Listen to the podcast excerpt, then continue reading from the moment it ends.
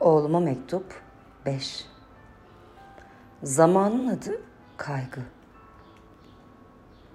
O zaman ki yani ortalama 0-6 yaş döneminde zihin algı seviyemde hatırladığım kadarıyla yaşamda tek bir doğrunun olduğuna dair inancımdı. O da benim doğru bildiklerimdi tabii. Bu doğrunun dışında hareket edersen de zarar göreceğini, iyi olmayan yollara yöneleceğini, belki de daha da büyüdüğünde kandırılabileceğine inanmıştım.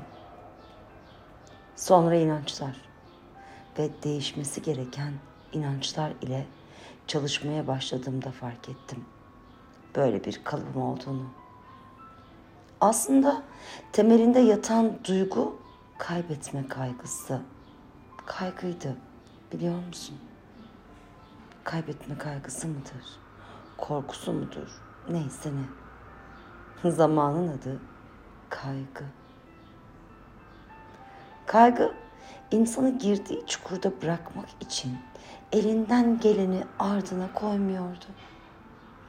Kaygılandıkça öfkeleniyor, öfkelendikçe kaygılanıyor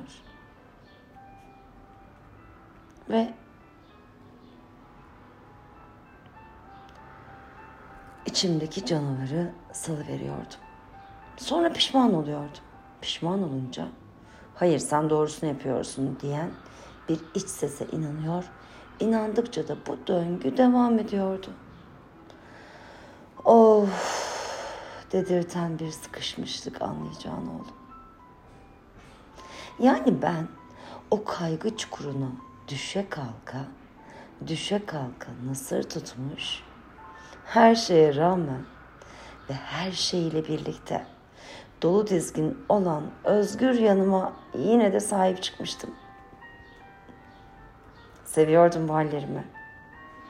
Kaygı, korku, endişe gibi zor duygularıyla çalışmaya başladım kendimle. Kaybetme korkusunu kimden öğrendin Sinem? diye sordum kendime. Cevabı içimde yankılandığında sarsıldım yine. On olmasa da yedi şiddetinde depremle. Her farkındalık ya da her aydınlanma ya da her düşüncemi düşünebilme, bilinç dışımı fark edebilme. Gittikçe şiddetini azaltan depremlerle karşılaştırıyordu beni. Neredeyse zevk almaya başladım. Korku duygusunu kimden öğrendin Sinem diye sordum kendime. Yine cevaplar fırtınalar estirse de duyguların sorumluluğunu almayı öğrendim. Tetikleyen o duygularda aslında neye ihtiyacım olduğunu söyledim kendime. Şefkatmiş. ihtiyacım.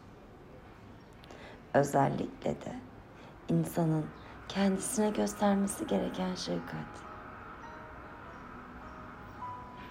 Kayıtların çok ötesinde bir yer. Unuttuğumuz, sesini kıstığımız bir yerlerden gelen şefkat.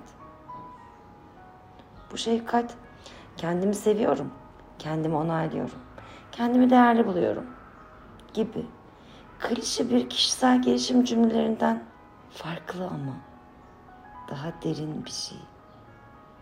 İçindeki her bir hücreyi hayal edip hayranlık duymak gibi